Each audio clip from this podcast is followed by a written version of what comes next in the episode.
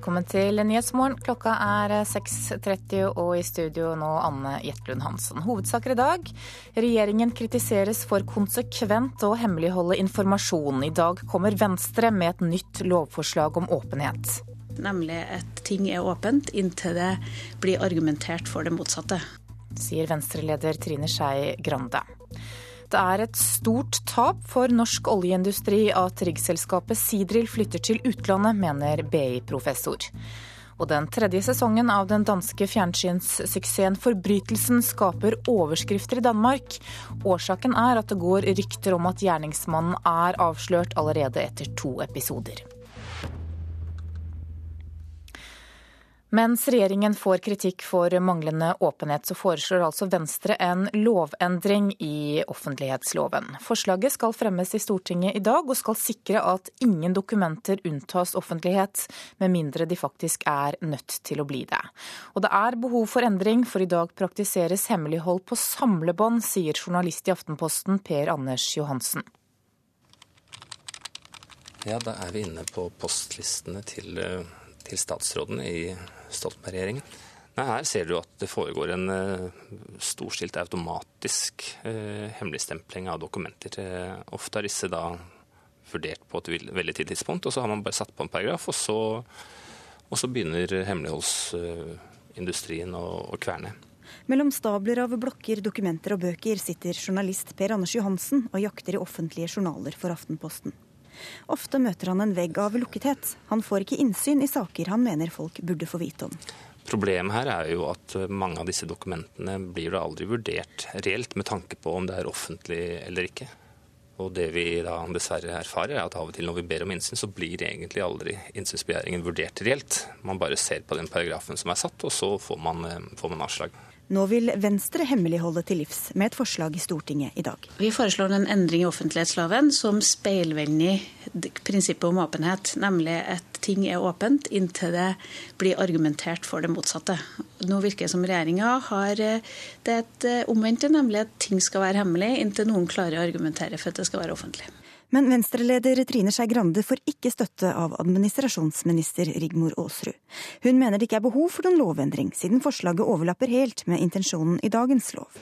Det er helt i tråd med sånn som offentlighetsloven skal praktiseres i dag, og i tråd med den veilederen som Justisdepartementet har utarbeida. Likevel innrømmer hun at loven kanskje ikke alltid praktiseres riktig. Det skal man ikke se bort fra. Tre av fire dokumenter som er i offentlig elektronisk postjournal er åpne. Det er helt unikt det systemet vi har i Norge. Men at det kan skje feil når vi har over fire millioner dokumenter som ligger der, det skal jeg ikke se bort fra.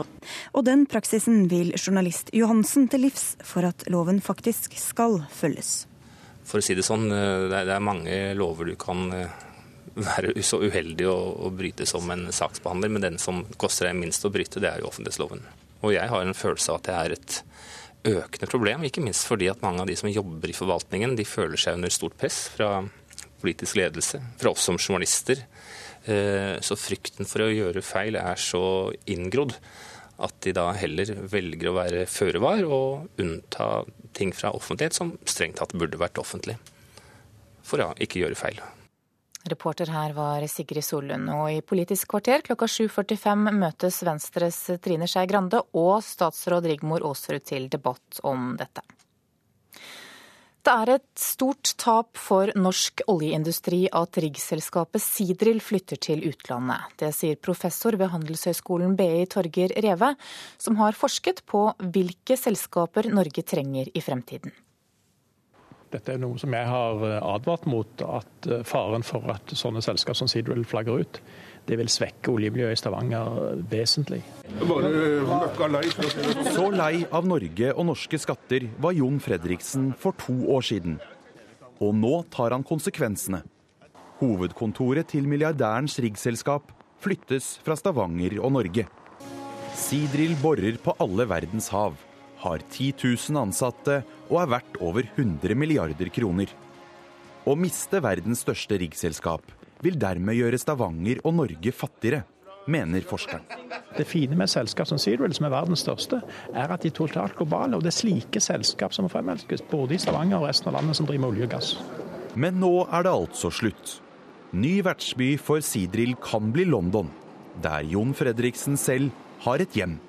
Stavangers ordfører syns det er veldig synd at Sirdril flytter sitt hovedkontor fra byen. Ordfører Kristine Sagen Helgø vil reise til London for å få en forklaring på hvorfor Jon Fredriksen flagger ut. For uh, står eh, beslutningen om å flytte fast, så ønsker jeg å vite hva som er årsaken til at de flytta. Jeg kunne godt tenke meg en dialog med, med Fredriksen, uh, sånn at vi bare legger til rette for uh, i denne regionen for å være en god vertskapskommune videre.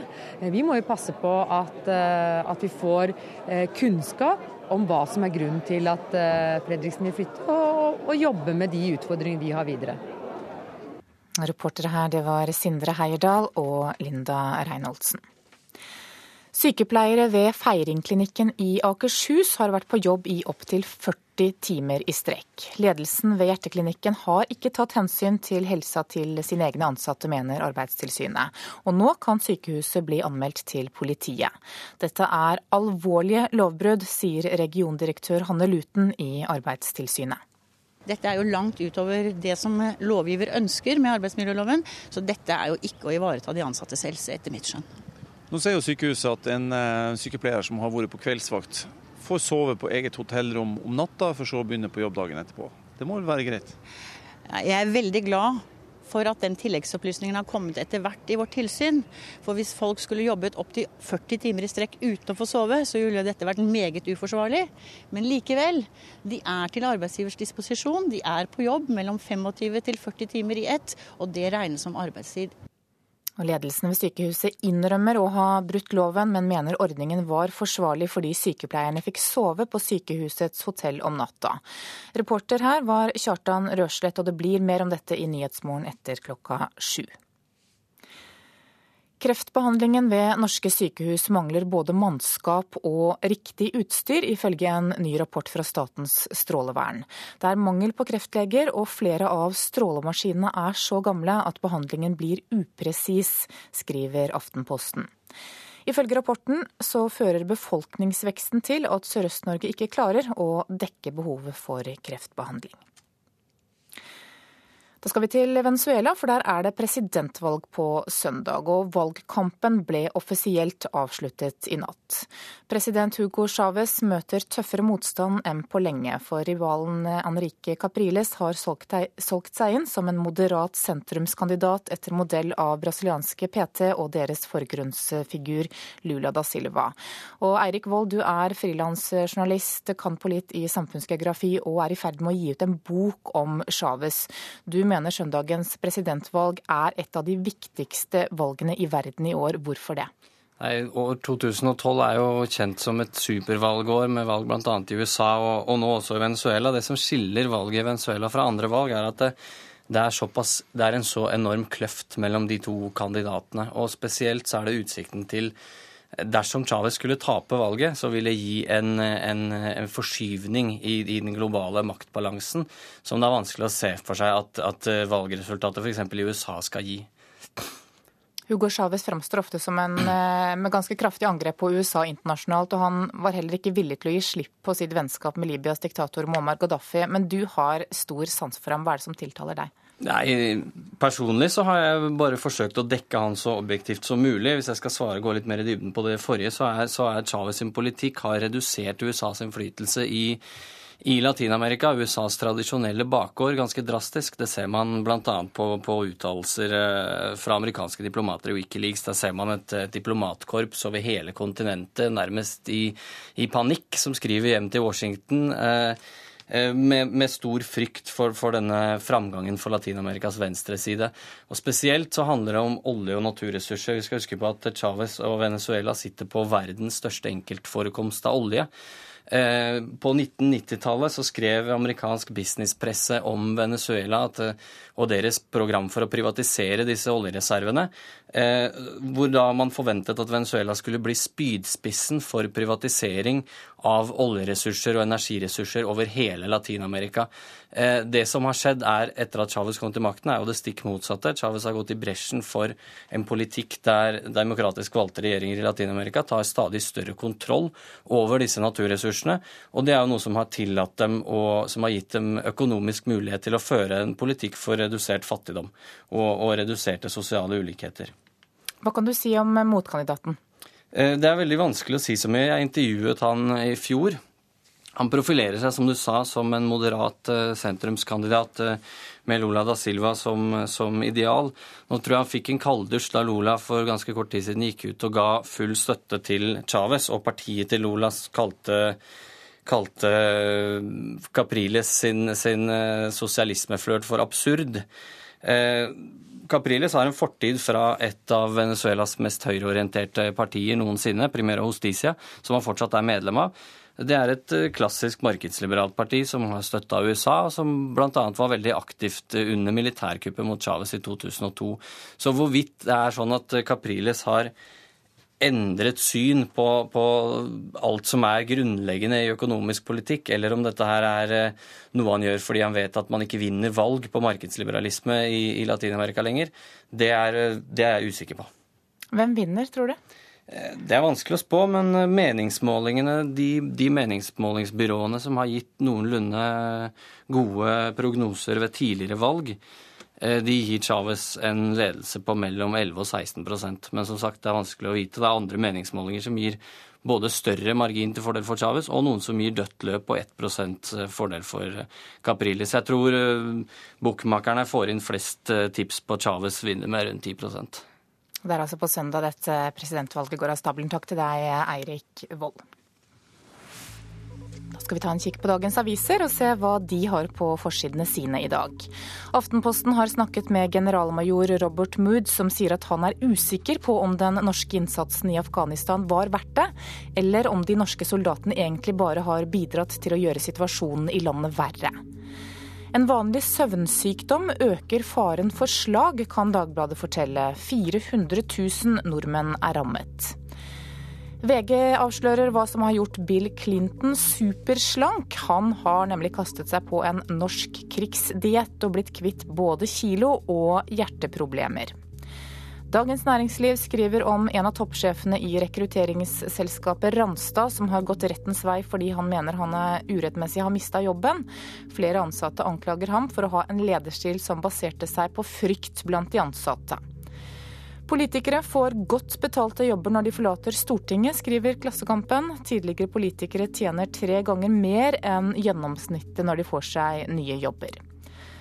Vårt Land forteller at Bredtvet kirke protesterer mot ledelsen i Den norske kirke. Årsaken er at den åpner for å selge Bredtvet til den katolske kirken. Menighetsrådet svarer med å si opp leiekontrakten med katolikkene.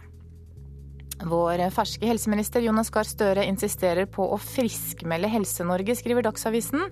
Han vil lede oppmerksomheten bort fra sykehusene og over på forebygging. Bergens Tidende forteller at bergensbedriften Karsten Moholt får kritikk fra retten for å ha forsøkt å kapre ansatte fra en konkurrent. Ledelsen i selskapet har nå fått forbud mot å overhodet kontakte ansatte hos konkurrenten. Bergensavisen skriver at det i stor grad blir slutt på gratisparkering ved tre av byens største kjøpesentre i løpet av høsten, og flere bilister reagerer. Regjeringen satser på nynorsk i språkets år neste år, og gir ekstra penger til både Nynorsk, Kultursentrum og Det Norske Teatret, skriver Nasjonen. Og Stavanger Aftenblad forteller at det går tregt på bussen mellom Stavanger og Sandnes. Farten er nede i 7 km i timen på deler av strekningen. Skal vi ha sport. Landslagssjef Jarle Pedersen mener Håvard Bøkkos retur til skøytelandslaget øker sjansen for gull i allround-VM i vinter. Nå trener nemlig Bøkko igjen i høyden for første gang på flere år, og hovedpersonen erkjenner at det gir resultater. Det vi har gjort så langt i år har vært veldig positivt. og Vi har hatt eh, ja, litt over 40 dager høgda, og det har slått positivt ut. Sier Håvard Bøkkå, som ikke har hatt til vane å legge sesongforberedelsene til høyden. Peter Müller, som var Bøkkos trener på privatlaget CBA inntil skøyteløperen vendte tilbake til landslaget før sommeren, hadde ikke høydetrening på programmet. Det kommer vel at eh, Peter ikke har vært veldig begeistra for høyde, og har hatt eh, noen dårlige erfaringer med det i Nederland. Norges landslagssjef Jarle Pedersen har derimot hatt veldig gode erfaringer fra høyden, bl.a. fra forrige vinter. Vi så også at den siste høydeleiren vi hadde før VM i Moskva, og den ga veldig bra utslag i form. Og hvis Bøkko klarer å toppe formen med et høydeopphold før sesongens store mål, allround-VM på hjemmebane på Hamar, kan det holde til gull. Han har vært vår klart beste løper i mange år, og han har vært på andreplass mange ganger og tredjeplass. Så et sånt mål syns jeg ikke er for uh, høyt. Det er jo så klart drømmen å, å, vinne her, men det er sikkert ti andre som drømmer om å vinne VM Allround til vinteren òg. Men Bøkko er enig med sjefen i at å legge høydetrening til forberedelsene kan være det som gjør sølv eller bronse om til gull. Det, er klart, det blir ikke et minutt raskere på skøyter, men eh, det er alltid små marginer på skøyter. Og kanskje det, det er de marginene som skal til for å for å komme seg en, en eller to plasser opp på resultatlista. Reporter var Christian Myrseth. Du hører på Nyhetsmorgen i NRK P2 og Alltid nyheter. Klokka er 6.46, og dette er hovedsaker i nyhetene i dag. Mens regjeringen får kritikk for manglende åpenhet, foreslår Venstre en lovendring i offentlighetsloven, slik at flere dokumenter blir tilgjengelig for alle. Det er et stort tap for norsk oljeindustri at riggselskapet Sidril flytter til utlandet, mener BI-professor. Og følg oss videre. Hummerfisket har nemlig fått en god start, og fiskere flere steder i landet har kommet inn med fulle teiner. Regjeringen og SV gir to uker ekstra foreldrepermisjon som er forbeholdt fedrene. Det kommer frem i statsbudsjettet som regjeringen legger fram på mandag. Det er snakk om en utvidelse av fedrekvoten fra 12 til 14 uker. I statsbudsjettet som legges fram på mandag vil regjeringen bruke mye penger på å gi norske fedre ekstra permisjon, skriver VG. Ifølge avisen vil det koste mellom 585 og 650 millioner kroner i året. Etter den nye ordningen vil foreldrepermisjonen totalt bli 49 uker med 100% permisjon, og 59 uker med 80% permisjon. SV-leder Audun Lysbakken sier til avisen at vi holder ikke bare det vi lovet i Soria Moria II, men vi oppfyller med én uke ekstra til pappaen. Utvidelsen av fedrekvota vil tre i kraft fra 1.7 neste år. Samtidig innføres en tydeligere tredeling av foreldrepengeperioden. Det innebærer at begge foreldrene har like lang kvote etter fødsel, og en felles del som de kan fordele slik de ønsker. Det sa reporter Ellen Omland. Oslo Frp ønsker at barn skal begynne på skolen når de er fem år. Det sier Christian Tybring-Gjedde, som er stortingsrepresentant og fylkesleder i Oslo Fremskrittsparti, til Dagsavisen. Tybring-Gjedde sier forslaget kan virke positivt på integreringen, da barn med innvandrerbakgrunn ofte er hjemme hos mor til skolestart. Han tror at femåringene vil ha bedre utbytte av å være på skolen enn å være i barnehagen eller hjemme. Magnetiske stormer, som ofte kommer etter nordlys, kan ødelegge for oljeindustrien. Observatorieleder Truls Hansen ved Nordlysobservatoriet varsler oljeselskaper når det er fare for alvorlige borefeil. Sammen med nordlys er det ofte det vi kaller magnetiske stormer. Dvs. Si at jordas magnetfelt rører på seg. Og det kan være viktig for oljeindustrien. Grunnen til at magnetiske stormer etter nordlys er så viktig, er at det ødelegger kompassene som brukes til oljeboring. Da øker sjansen for at man borer feil, og til og med inn i andre oljekanaler som kan gi alvorlige oljeutslipp. Her nordpå er det ganske viktig. Her kan eh, magnetfeltet variere i retning det vi kaller misvisninga, eh, mange grader i løpet av få minutter. Og oljeselskapene vil helst vite innenfor si, en tiendedels grad hvilken retning de bor i. Så det blir fort viktig for dem. Varslinga de får fra Nordlysobservatoriet er helt kritisk, bekrefter informasjonssjef i Statoil, Ola Anders Skauby. Dette er viktig for oss, spesielt i forbindelse med det å beregne brønnbaner. Dvs. Si altså beregne hvordan vi skal bore eh, brønner nede i havbunnen og under havbunnen for å vite om det har vært forstyrrelser i magnetfeltet, som da kan gi eh, unøyaktige målinger og beregninger, så eh, er det veldig viktig at vi har den informasjonen. Reporter her, det var Rune Eian. Hummerfisket i Oslofjorden har fått en god start. Fiskere flere steder i landet har kommet inn med fulle teiner, og etter god fangst de siste årene så er det nå blitt spådd et knallår. Ved fiskemottaket Fjordfisk på Hvaler i Østfold så er de optimistiske foran, de siste ukene. Vi har vel tatt imot ca. 200. Jo, egentlig tegna veldig bra. Det har, det har, gått bra unna både på salget og det er bra innmeldinger. og det, det ser lovende ut. Utmarksnæring gir mest overskudd til bøndene som driver tilleggsnæring på bruket sitt. Det viser en artikkel fra Norsk institutt for landbruksøkonomisk forskning, skriver Nasjonen. I 2006 fikk bønder som drev med utmarksnæring i gjennomsnitt om lag 19 000 kroner i driftsoverskudd. Fire år seinere var tallet økt til 48 000. Salget av hyttedøgn, jakt og andre utmarkstjenester har økt kraftig siden 2009. Regjeringen har ikke innfridd løftet om at alle barn skal få tilbud om kulturskole, men nå forsøker kunnskapsminister Kristin Halvorsen å få til et løft. I neste års statsbudsjett gir hun penger til én time gratis undervisning i skolefritidsordningen og på skolen. Men å gi litt til mange er å vanne ut kulturopplæringen i stedet for å satse. Det mener Øyvind Håbrekke i Kristelig Folkeparti.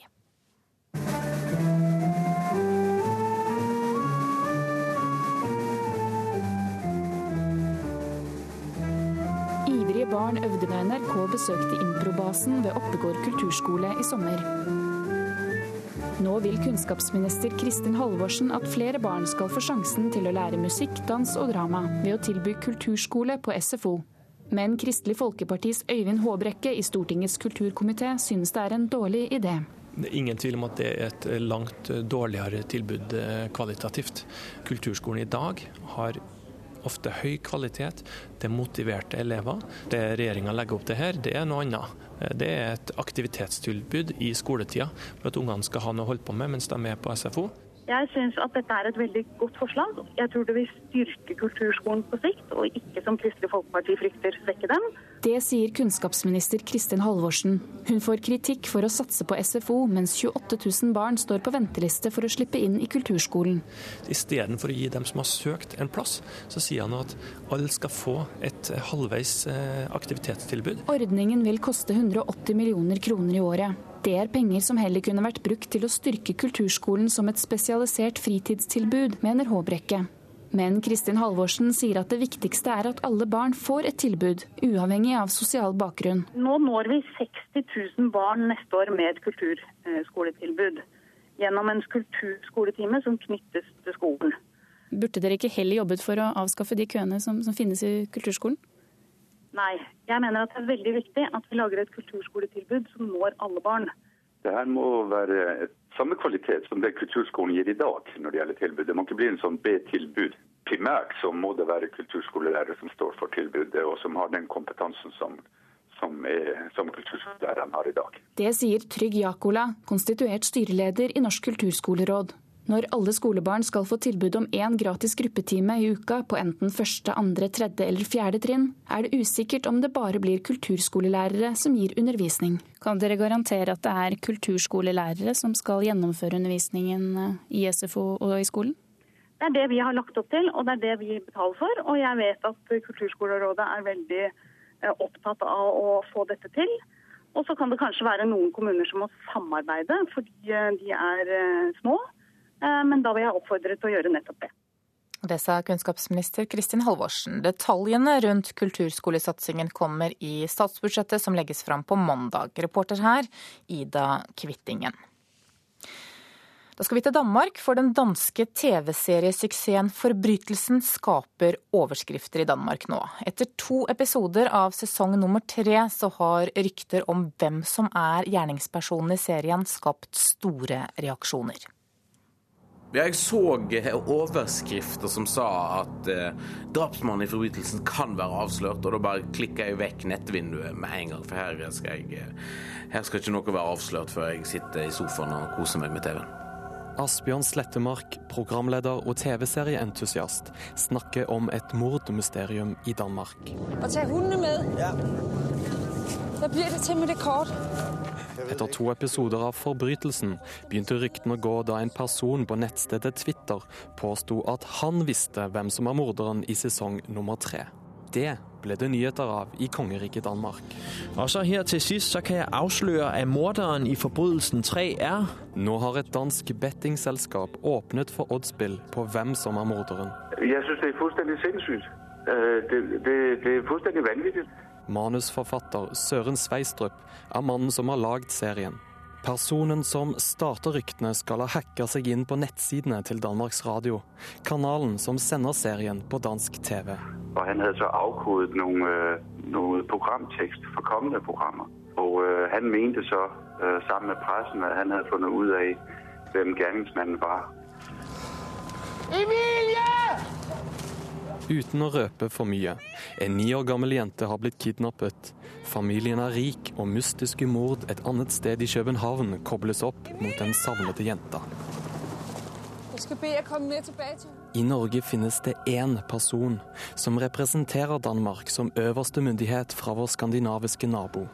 Det her det er jo en sak som vedrører ca. to millioner seere i Danmark og en halv million i Norge. Så det er en sak man tar ganske alvorlig. Det sier Hugo Østergaard Andersen. Og ja, han er Danmarks ambassadør i Norge. Han kan berolige norske TV-seere om at morderen, til tross for ryktene i hans hjemland, ikke er avslørt. Ja, Det kan jeg meget klart avkrefte. Som ambassadør og med dine nettverk, så må jo du ha førstehåndsinformasjon i, i, i denne saken. Hvem er morderen? Det har jeg absolutt ingen kommentar til. Han har selvsagt mediedrillet på å holde statshemmeligheter unna offentligheten. Sedlene er umerket, pengene kan ikke spores.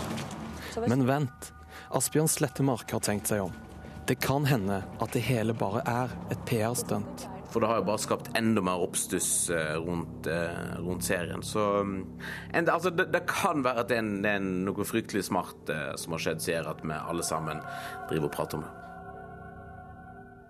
Reporter her var Eivind Våge, og du kan få med deg premieren på sesong tre av Forbrytelsen på NRK1 kommende mandag 8. oktober klokka 22.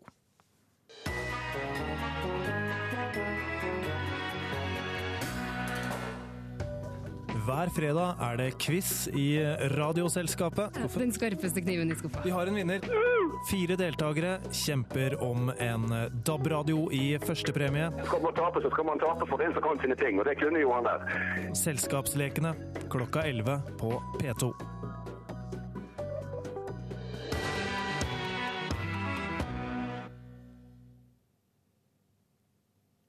Skal vi se på et værvarsel som gjelder til midnatt. Fjell i Sør-Norge kan vente seg skiftende bris, til dels pent vær. Østlandet skiftende bris, først på dagen lokal tåke, ellers stort sett pent vær. I Telemark er det ventet skiftende bris i dag, lokal morgentåke, ellers stort sett pent vær. I ettermiddag tilskyende, i kveld utrygt for regnbyger på kysten. Agder kan vente seg østlig bris, lokal morgentåke fra i ettermiddag tilskyende vær, enkelte regnbyger i sør og utrygt for torden. Rogaland sørøstlig bris og enkelte regnbyger. Hordaland sørlig frisk bris på kysten, enkelte regnbyger og snø over 1000 meter. Sogn og Fjordane sørlig liten kuling på kysten. Ved Stad sørvestlig sterk kuling. I ettermiddag noe minkende. Enkelte regnbyger og snø over 1000 meter. Møre og Romsdal sørvestlig bris på kysten opp i stiv kuling. I ettermiddag litt minkende og enkelte regnbyger i ytre strøk. Trøndelag sørøstlig bris, i ytre strøk enkelte regnbyger. Fra i ettermiddag stort sett pent vær. Helgeland, Saltfjellet og Sørsalten kan vente seg sørøstlig bris i dag. Utrygt for regnbyger på kysten, ellers til dels pent vær og lokal morgentåke. Nordsalten, Ofoten, Lofoten og Vesterålen sørøstlig bris, regn i nord, ellers for det meste oppholdsvær. Troms østlig frisk bris, regn og i kveld lettere vær. Kyst- og fjordstrøkene i Vest-Finnmark østlig frisk bris, på kysten liten kuling og litt regn. Øst-Finnmark og Finnmarksvidda østlig bris, på kysten frisk bris og spredt regn. Og på Spitsbergen er det ventet nordøstlig bris og litt snø i dag. Temperaturene som ble målt klokka fem, da hadde Svalbard minus én, Kirkenes seks, Vardø sju, Alta sju, Tromsø-Langnes seks, Bodø 8, Brønnøysund 9, Trondheim-Værnes 3, Molde 7, Bergen-Flesland 6, Stavanger 6, Kristiansand-Kjevik 1, Gardermoen 2, Lillehammer 4, Røros minus 5 og Oslo-Blindern hadde 4 grader.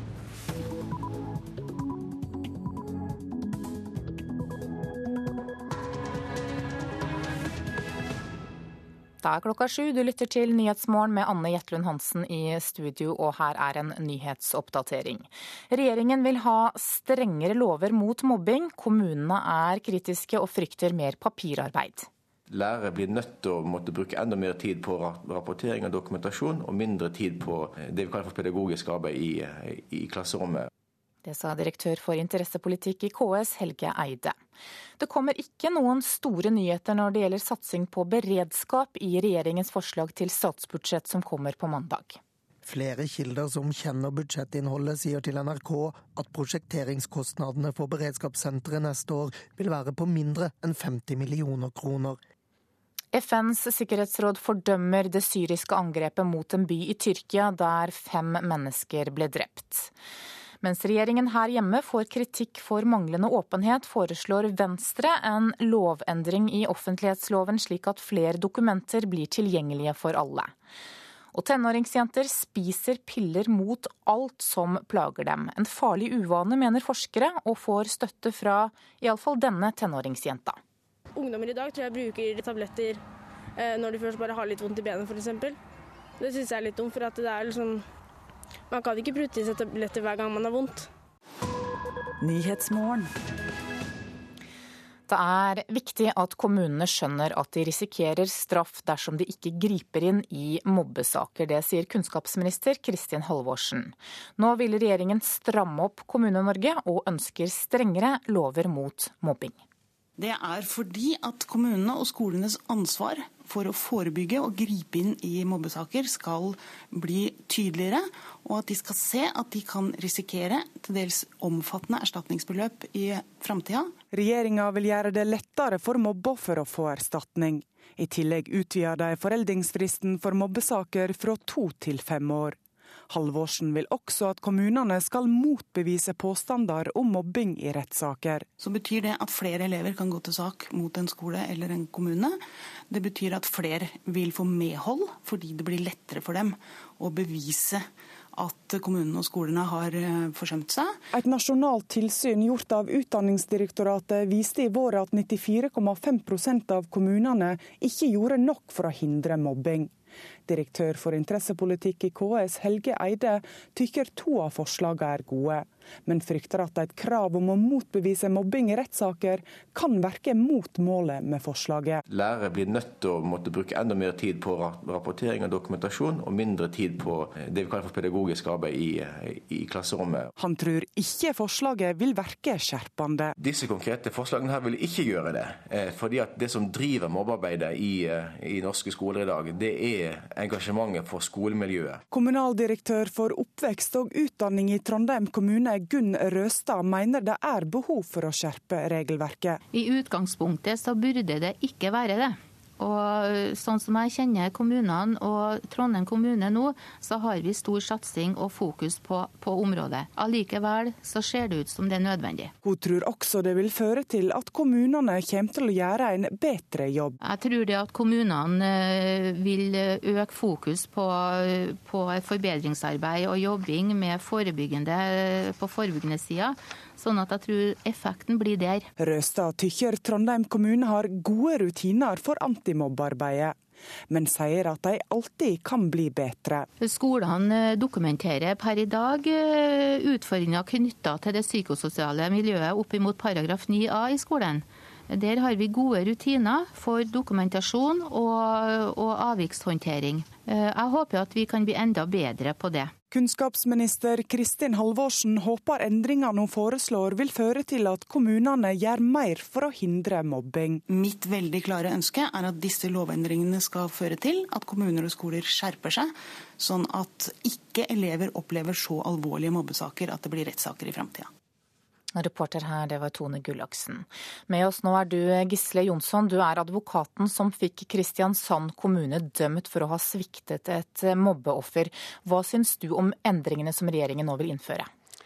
Eh, for det første så eh, syns jeg det er eh, positivt at regjeringen nå har kommet på banen i forhold til noen sentrale utfordringer i sånne saker. Og det gjelder særlig denne regelen da om delt bevisbyrde. Det som det har vist seg, er at det har vist seg veldig vanskelig for eh, skadelidte i slike saker å nå fram eh, pga. Eh, den strenge bevisbyrden i erstatningssaker. Det at man nå gjør det noe enklere bevismessig, er eh, etter mitt syn kanskje det viktigste, viktigste forslaget. Hvorfor det?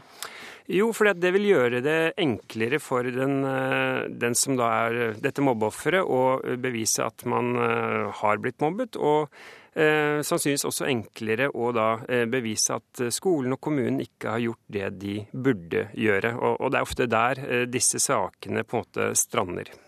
Vi hører jo i saken her at mange kommuner forteller at de har gode rutiner for antimobbearbeid. Hvorfor er det behov for en slik skjerping av reglene?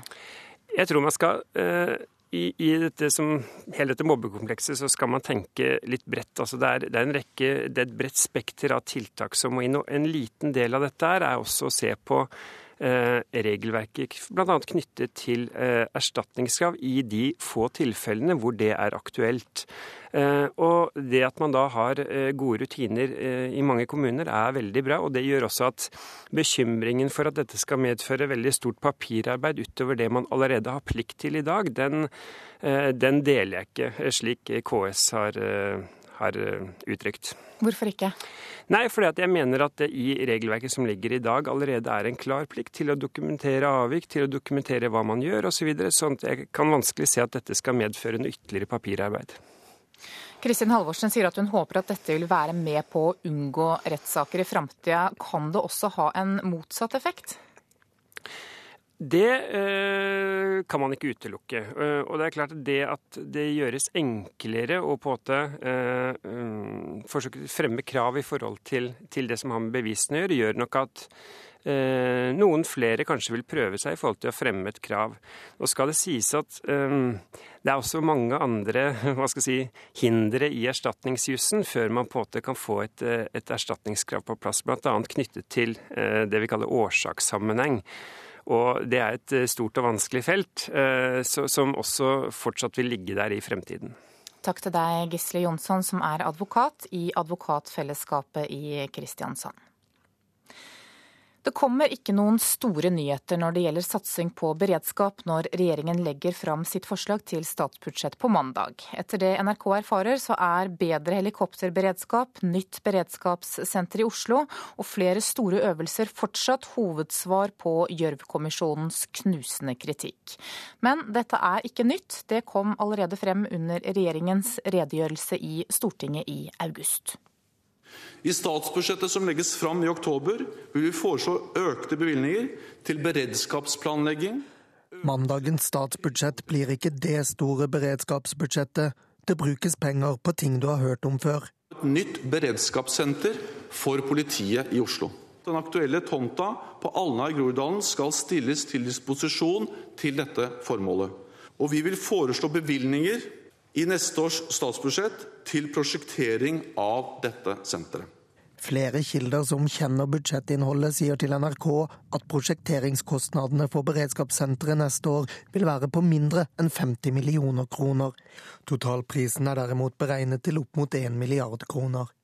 Kommisjonen sier at citat, lærdommene i større grad handler om ledelse, samhandling, kultur og holdninger Grete Faremos hovedpoeng på mandag vil nok en gang være at Gjørv-kommisjonen ikke etterlyser raske penger, men kulturendring. Regjeringen er mer opptatt av å handle riktig enn raskt. Statsbudsjettet blir derfor en pedagogisk øvelse, sier en kilde. KrFs Knut Arild Hareide er overrasket. Ja, Dersom denne informasjonen stemmer, så er det oppsiktsvekkende at regjeringa ikke prioriterer dette området sterkere.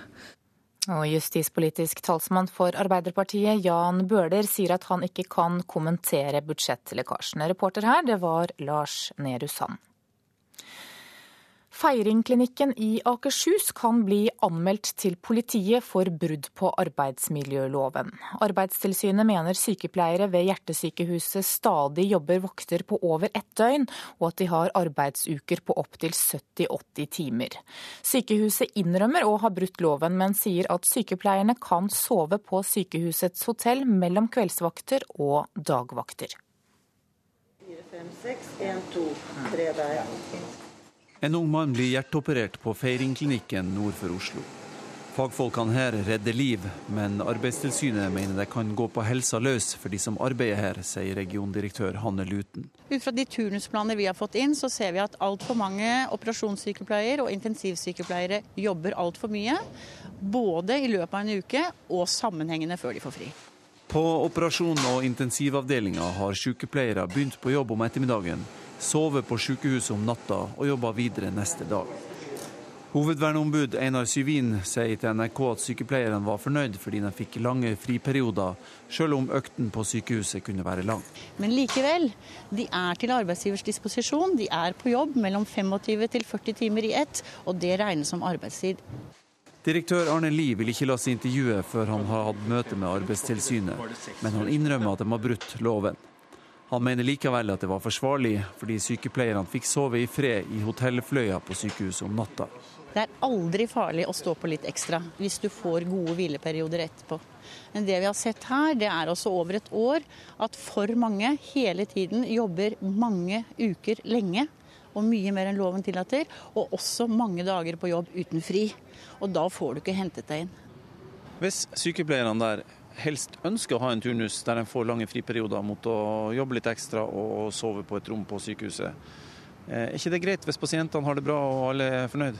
Og Jeg forstår så godt at du stiller det spørsmålet, og sånn tenker vi vel alle førsten.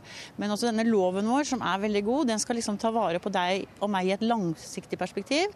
Og Da kan vi ikke ha regler for de som vil jobbe lenge en kort periode, og de som ikke vil. Loven skal ivareta helsen også til de som tar vare på vår helse. Eller er det flisespikkeri som eh, illustrerer at den loven bør endres? Når man jobber 70-80 timer i uken og opptil 40 timer i strekk, så tror jeg ingen i Norge vil kalle det flisespikkeri. Reporter var Kjartan Røslett. Lederen av Stortingets kontroll- og konstitusjonskomité lurer på om næringsminister Trond Giske har sjekket kompetansen til styret i eiendomsselskapet Entra. Anders Anundsen i Fremskrittspartiet sier at han ikke forstår hvordan styret i det statseide selskapet glatt overser regjeringens krav om moderate lederlønninger.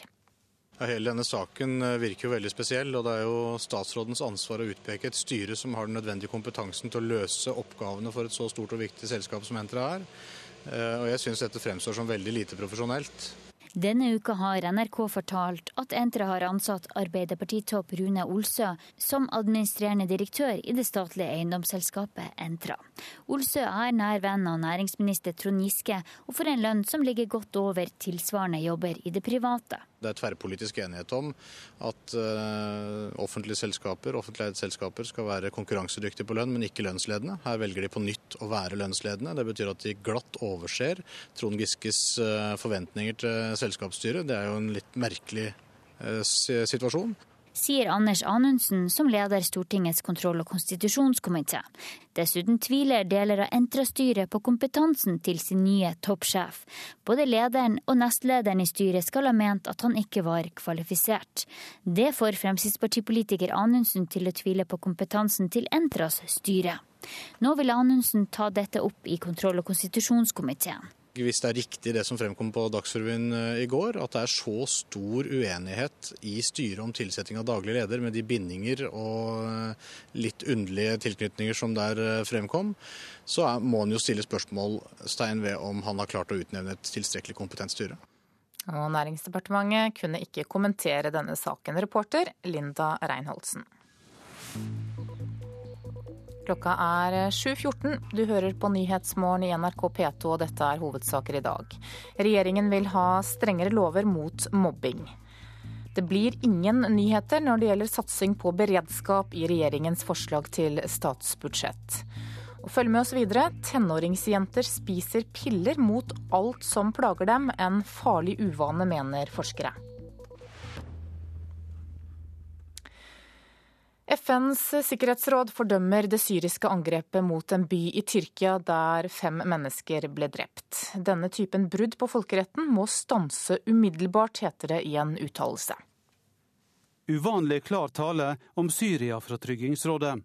Det som skjedde, var et brudd på folkeretten, og det må ikke gjenta seg. I klare ordelag fordømmer FN granatangrepet mot en tyrkisk grenseby onsdag. Det har mange ganger vært vanskelig for Tryggingsrådet å samle seg om en felles budskap i Syria-konflikten. Det er gjerne Russland som har sett foten ned. Også denne gangen avviste Russland det forslaget som kom på bordet, og den endelige formuleringa var et kompromiss. Medlemmene i Tryggingsrådet understreker at denne hendinga viser hva alvorlige følger krisa i Syria har for tryggleiken i nabolandene. Fem sivile ble drepne i det syriske granatangrepet. Over 30 syriske soldater skal ha blitt drepne da tyrkiske styrker slo tilbake kort tid etterpå. Ankara i går kveld. Tyrkerne protesterer i gatene i frykt for en krig mot Syria. Tidligere på dagen åpna nasjonalforsamlinga for militære operasjoner på syrisk jord. Vi ønsker ikke krig, sier denne kvinna. Ingen barn skal dø, verken i Syria eller Tyrkia. Jeg er helt imot krig. Men styresmaktene avviser at de ønsker en krig. Statsminister Tayyip Erdogan er klar i sin tale. Vi ønsker fred og trygghet i regionen vår. Det har ingenting for seg å gå til krig. Konsekvensene av krig har vi sett i Irak, Iran og Afghanistan, sier statsministeren. Men spenninga er stor. Det er blitt langt mer krevjende å være nabo til Syria. Og det sa utenriksmedarbeider Eivind Molde. Mitt Romney fører velgerne bak lyset. Det hevdet USAs president Barack Obama da han forsøkte å slå tilbake etter nederlaget i debatten mellom de to presidentkandidatene i Denver i går natt. Samtlige kommentatorer konkluderte med at Romney gjorde det best i fjernsynsdebatten. Men under et par folkemøter i går så tok Obama i bruk flere poenger som han unnlot å bruke dagen før. Obamas medarbeidere har nå varslet endringer i valgkampstrategien. Den japanske sentralbanken holder styringsrenta uendret på mellom 0 og 0,1% Det opplyste banken i dag. Banken gjorde det også klart at det i denne omgang ikke blir flere såkalte kvantitative lettelser. Det betyr tiltak som uformelt omtales som å trykke penger. Presidentvalgkampen i Venezuela ble offisielt avsluttet i natt. President Hugo Chávez samlet flere hundre tusen tilhengere i sentrum av hovedstaden Caracas. Chávez prøver å bli gjenvalgt for tredje gang, men utfordres sterkt av sin rival Enrique Capriles. NRKs korrespondent Jon Gelius fulgte Chávez sitt folkemøte i natt. De roper på sin store fører. I 14 år har president Hugo Chávez inspirert sine velgere og fått dem nærmest til å tro at han er deres frelser. Nå står den 58 år gamle kreftrammede presidenten foran sin tøffeste utfordring noensinne. NRK fulgte den siste massemønstringen i gatene her i Caracas i natt. Det var en folkevandring i lett gjenkjennelige T-skjorter med påskrift om at Chávez ikke vil forlate sitt folk. Et skybrudd med torden og striregn stanset ikke folkemassen, men la en demper på det som skulle bli den store valgkampavslutningen for Hugo Chávez. Viva Venezuela! Viva la patria! Viva la revolución! Flere hundre tusen mennesker var samlet i gatene her i Caracas for å høre ham tale. Det var færre enn hans rival klarte sist søndag, da Enrique Capriles samlet én million mennesker i de samme gatene. De siste meningsmålene gir Chávez en 10% ledelse på sin utfordrer. For mange i folkemengden er Chávez, eller El Comandante, landets første president som oppriktig har brydd seg om og hjulpet de fattige.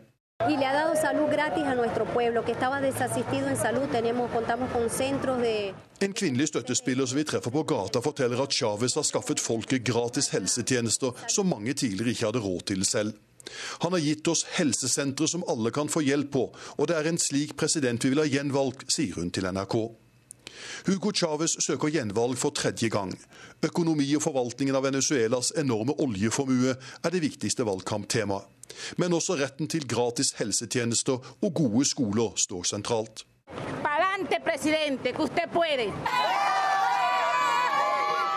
Chávez og utfordreren Capriles kjemper om i alt 19 millioner registrerte velgere. Hver femte velger sier de ennå ikke har bestemt seg for hvem de vil stemme på i søndagens presidentvalg. Jon Gelius, Caracas, Venezuela.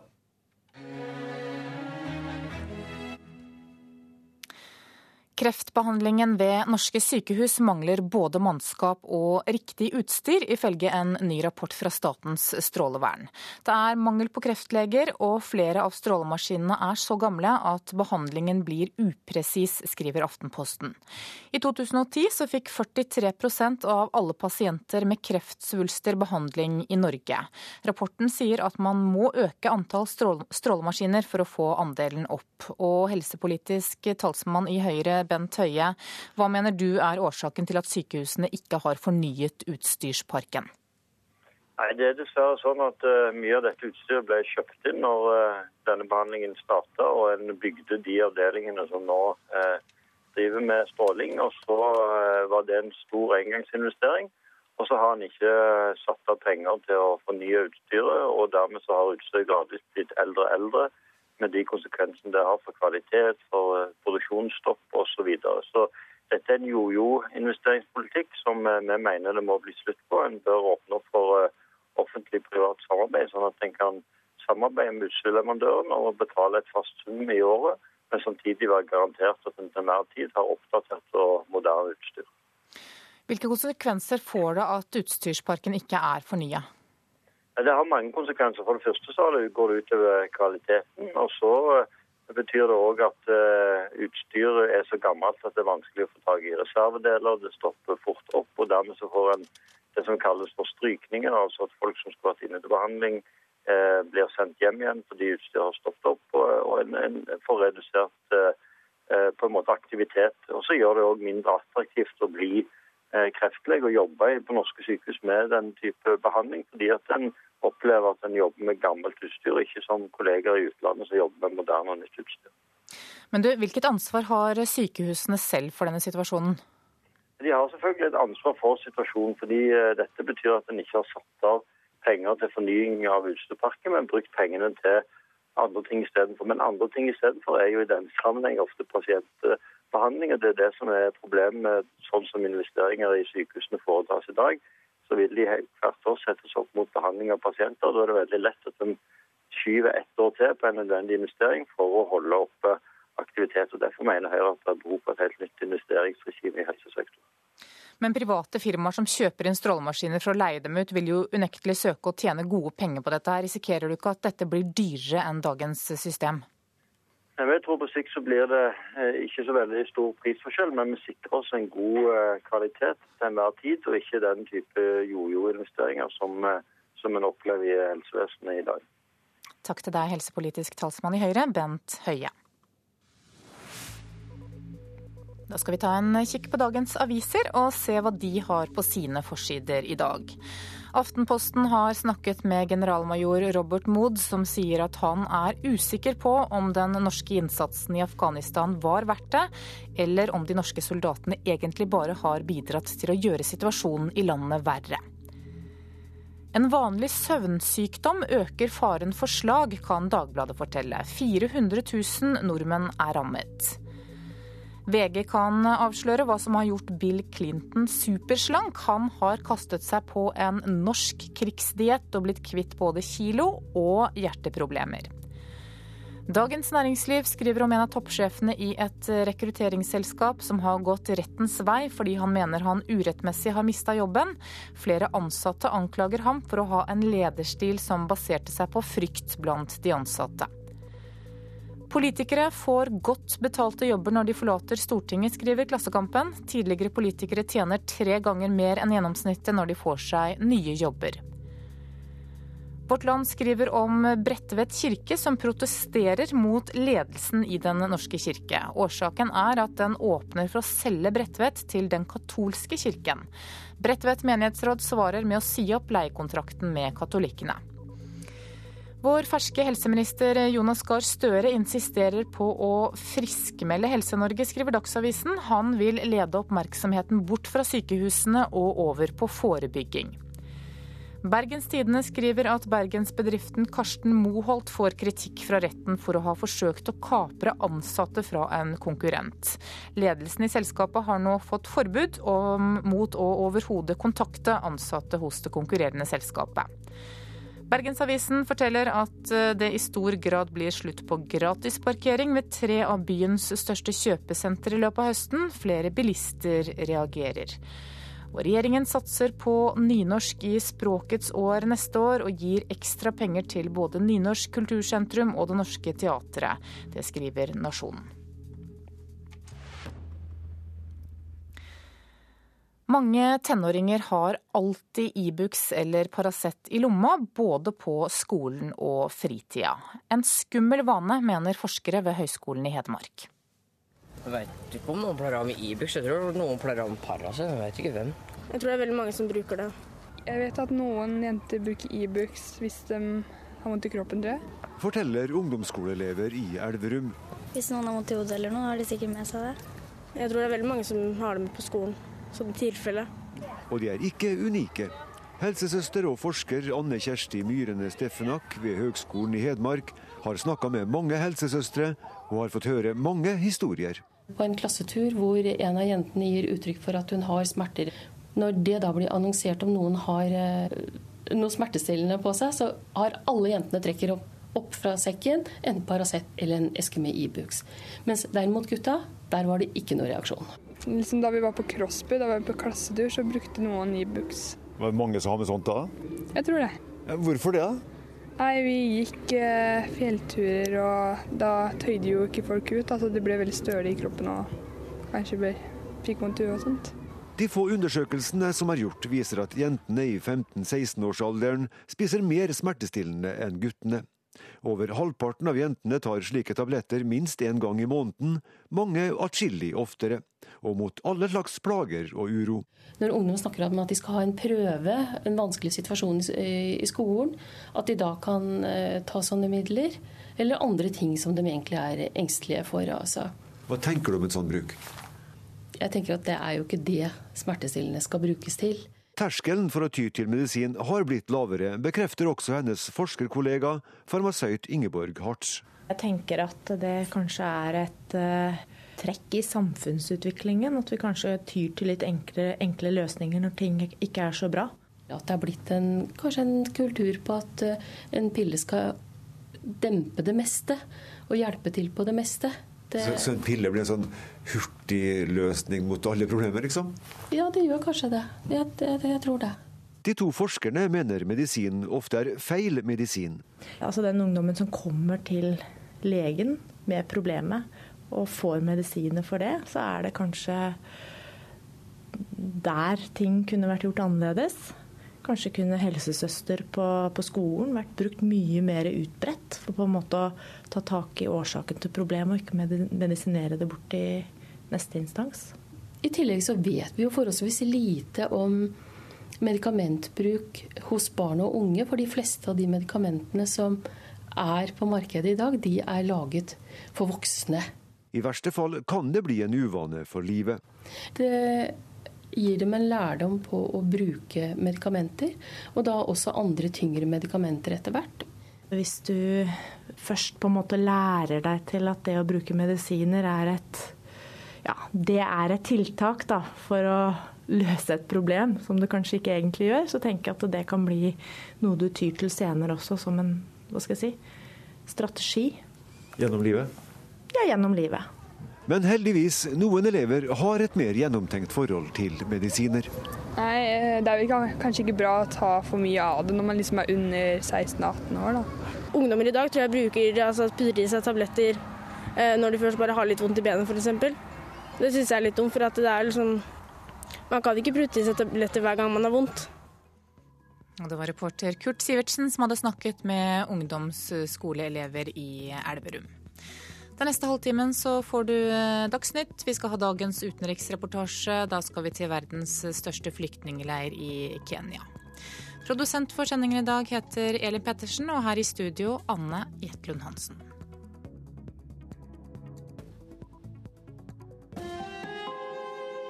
Hør ekko. Når også Høyre vil ta æren for velferdsstaten Skjer det noe med Aps Martin Kolberg? Nei, altså Jeg vil bare si at eh, jeg prøver bare å vise lytterne kroppsspråket mitt gjennom mikrofonen. Det er ganske, det er ganske stressa.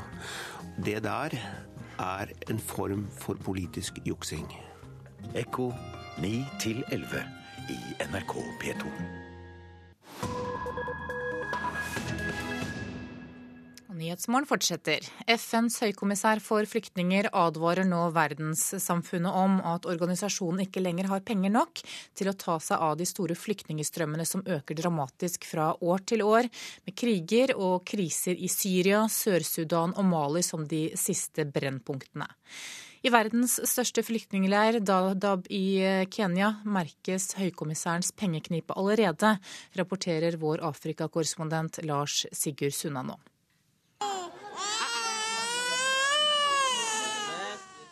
Legesjek for en av de aller minste i verdens største flyktningeleir, Dadaab. Tørkekatastrofen på Afrikas Horn rystet en hel verden i fjor sommer og høst.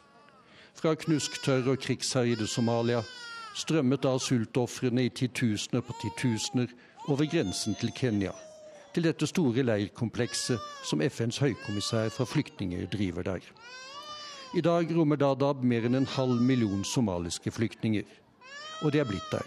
Selv om det har regnet igjen i hjemlandet, og sikkerhetsforholdene gradvis bedres etter at den fredsskapende styrken fra Den afrikanske unionen har klart å drive Al Shabaab ut fra hovedstaden Mogadishu og en rekke andre byer og tettsteder som den islamistiske opprørsbevegelsen har hatt kontroll over. Men ikke bare på Afrikas Horn. Også en rekke andre land i verden sendte kriger, undertrykkelse og naturkatastrofer folk på flukt. Fjoråret var det tyngste i dette tiåret, kunne høykommissæren Antonio Guterres fortelle sitt årlige styremøte, som har pågått i Genéve denne uken. Already in 2011, as crisis after crisis unfolded, more than 800,000 people crossed borders in search of refuge. I 2011, etter hvert som krise etter krise utfoldet seg, krysset mer enn 800 000 mennesker grenser i søken etter sikkerhet, sier han. I gjennomsnitt 2000 flyktninger hver eneste dag. Dette er flere enn noen gang det siste tiåret. Sammen med Verdens matvareprogram, WFP, holder høykommissæren liv i nærmere 10 millioner flyktninger i 37 land. Antallet øker med nye kriger og kriser. I Syria, Sør-Sudan og Mali for bare å nevne noen av de siste brennpunktene. Men det skorter nå på pengestøtten. I fjor gikk det med rundt 13 milliarder kroner i verdens flyktningleirer. I år og fremover trengs det enda mer. Og det var en bekymret høykommissær som tegnet dette bildet av FN-organisasjonens finansielle situasjon på styremøtet i Genéve.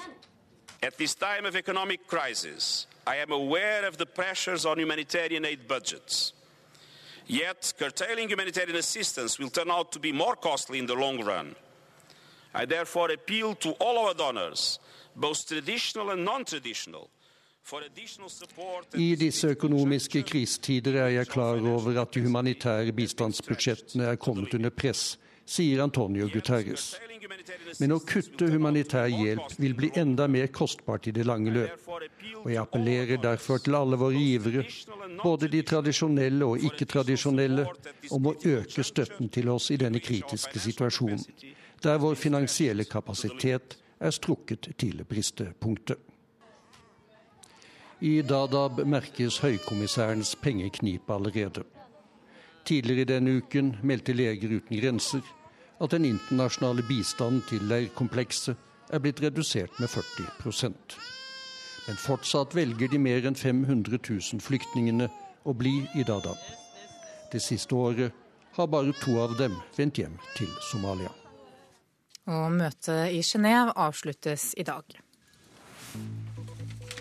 Klokka er 7.44. Eh, du lytter til Nyhetsmorgen i NRK P2. Dette er hovedsaker nå. Kommunene risikerer å bli straffet økonomisk dersom de ikke griper inn i mobbesaker. Det blir ingen storsatsing på beredskap i regjeringens forslag til statsbudsjett. Og Feiringklinikken trues med politianmeldelse. Sykepleierne har måttet jobbe 40 timer i strekk. Og regjeringens budskap om mer åpenhet har endt opp med beskyldninger om mer lukkethet, får vi høre i Politisk kvarter, Sigrid Solund. Venstre mener regjeringen hemmeligholder så mange dokumenter som mulig, og foreslår endringer i offentlighetsloven for å få mer åpenhet. Og det lekker stadig ut små godbiter fra statsbudsjettet som kommer mandag, men det skal også strammes inn.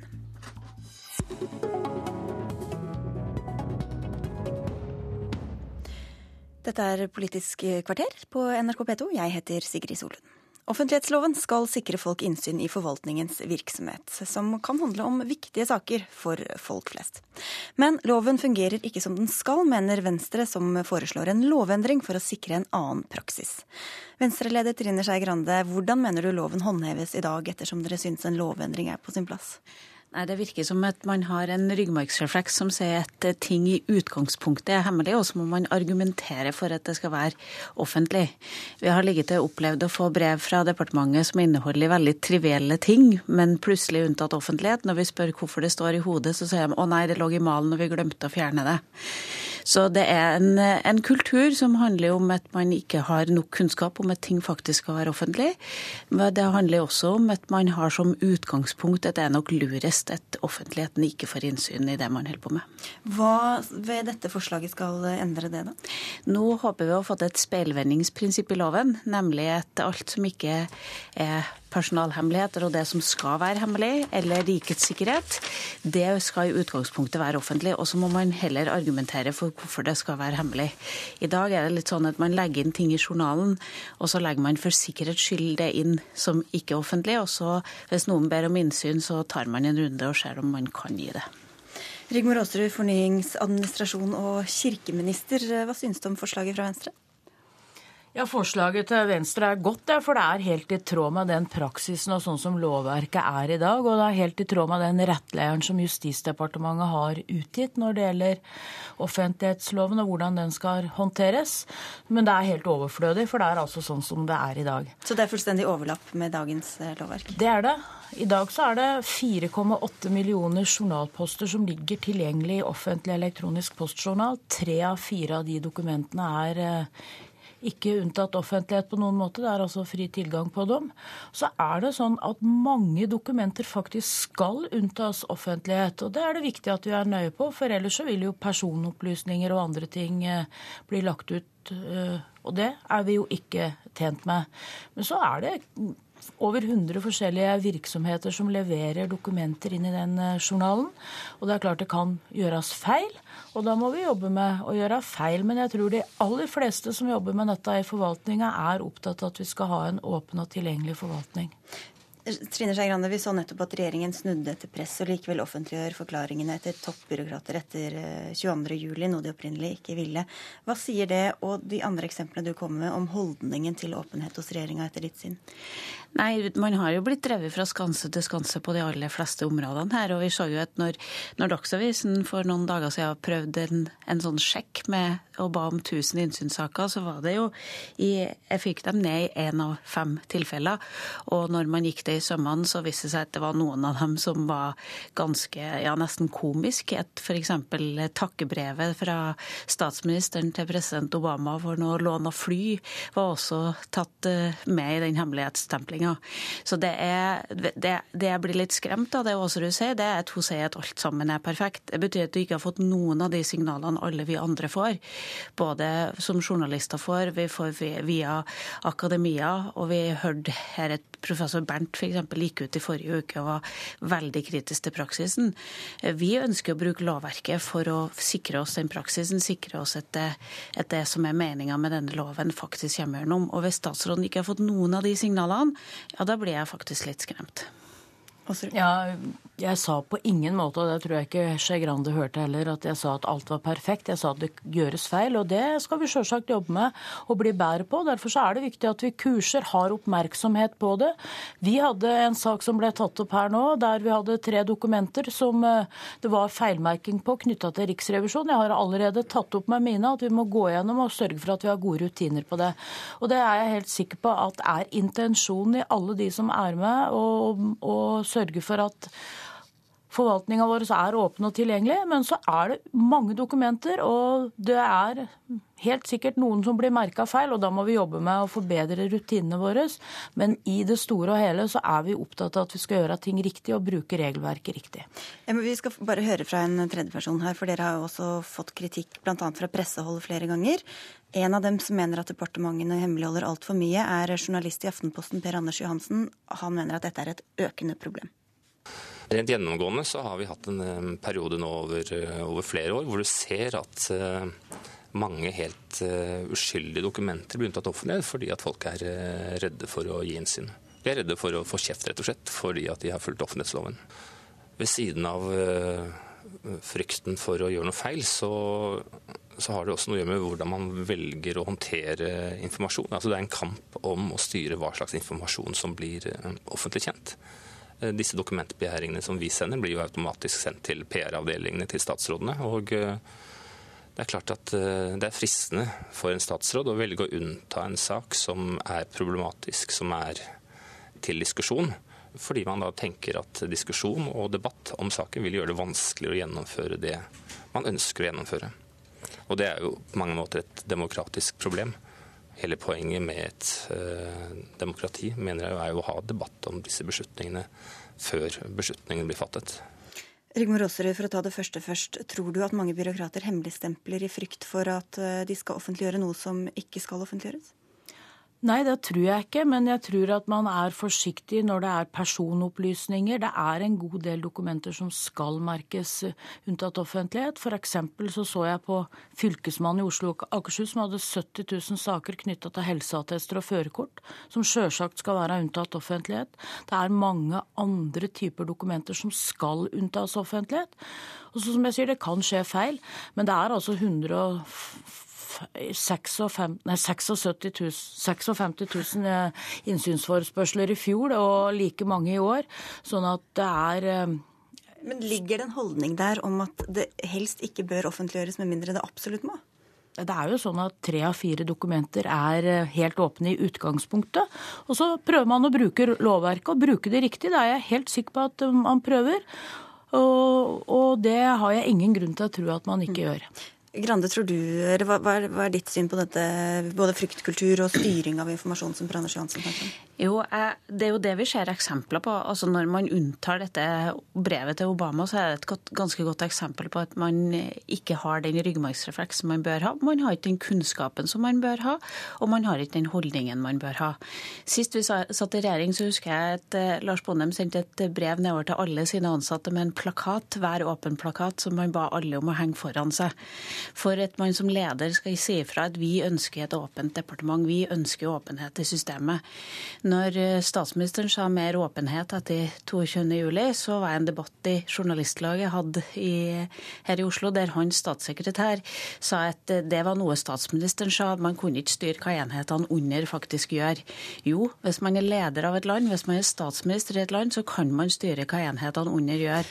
Og det er hele den kulturen det er snakk om. Jeg tror jo at Rigmor Aasrud vet hva som ligger i loven. Men spørsmålet er om man lager en kultur der det er åpent, og der alle skjønner at man skal få backing for å ha mest mulig åpenhet, og ikke skal være redd for at man gjør noe offentlig. Ja, og Svaret vårt på det er jo at vi har lagd en helt unik tjeneste, offentlig elektronisk postjournal. Det er ingen andre land som har en tilsvarende tjeneste. 4,8 millioner dokumenter er lagt inn der på to år. Det er den som journalistene søker i? Ikke bare journalister, den kan hvem som helst søke i og finne dokumenter om forvaltningen og be om å få innsyn i de.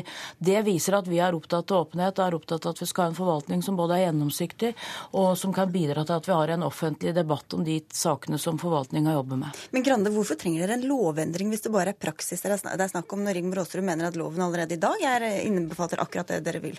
Fordi at Hvis vi får en sånn lovendring, så er det mye lettere for ansatte å si at det står faktisk i loven, hvis de opplever press fra ledelsen på at her skal vi ha mest mulig hemmelighold.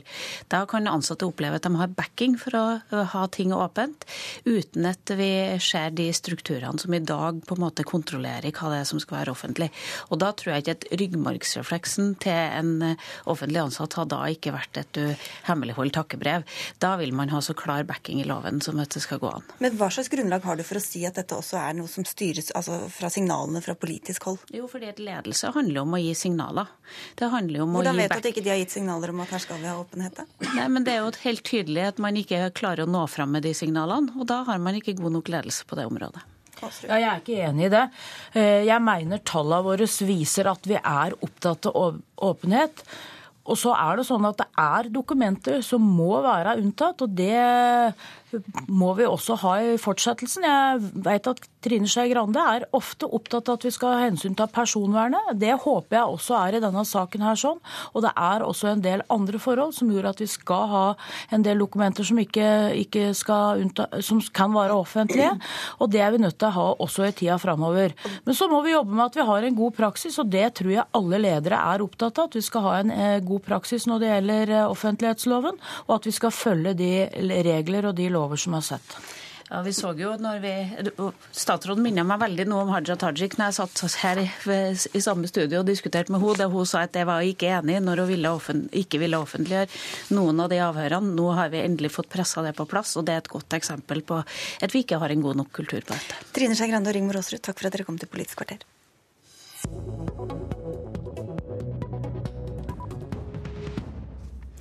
Om eh, tre dager kommer det som kan bli det siste statsbudsjettet fra den rød-grønne regjeringa. Reporter eh, Lars Nehru Sand, du har trålet stortingsgangene og hatt eh, utallige telefonsamtaler de siste ukene. Hva med det du vet nå kommer til å prege budsjettet? Jeg tror det er tre forhold vi særlig vil legge merke til. Det ene er at samferdsel er en av hovedprofileringssakene som også regjeringen ønsker å, å profilere sterkt. Det andre er at det er et stramt budsjett. Eh, godt under handlingsregelen og 4 bruken av oljefondet. Og så er det det at det går godt i Norge. Både oljeinntektene og skatteinntektene for 2012 har vært gode. Hvor stramt går det an å si noe om det? Ja, for Det kommer litt an på hvordan du måler. Det er stramt i den forstand at det ligger godt under 4 %-banen. Betydelig i forhold til hva vi har vært vant til.